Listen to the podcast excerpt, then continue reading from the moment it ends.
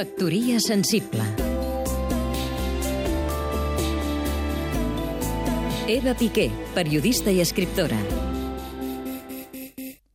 La cultura és allò que queda quan tota la resta es perd, s'enfonsa o es trenca.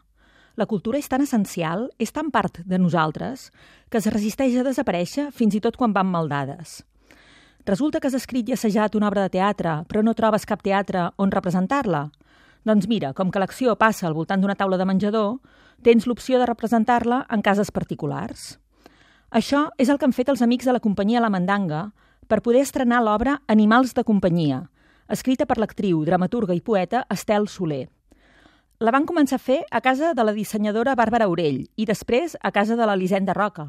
I gràcies al Boca Orella ja han fet una trentena de funcions en pisos de tot Catalunya. L'Estel Soler diu que fan teatre de resistència. Si la gent no va al teatre, ells et porten el teatre a casa. Animals de companyia és una comèdia simpàtica que ens interpel·la sobre l'amistat, la sinceritat, la soledat i les històries que inventem sobre nosaltres mateixos i els altres.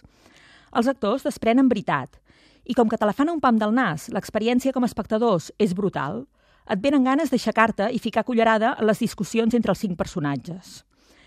Ara, fins al 13 d'abril, podeu veure Animals de companyia a l'Espai Columbus Barcelona, al barri de les Corts.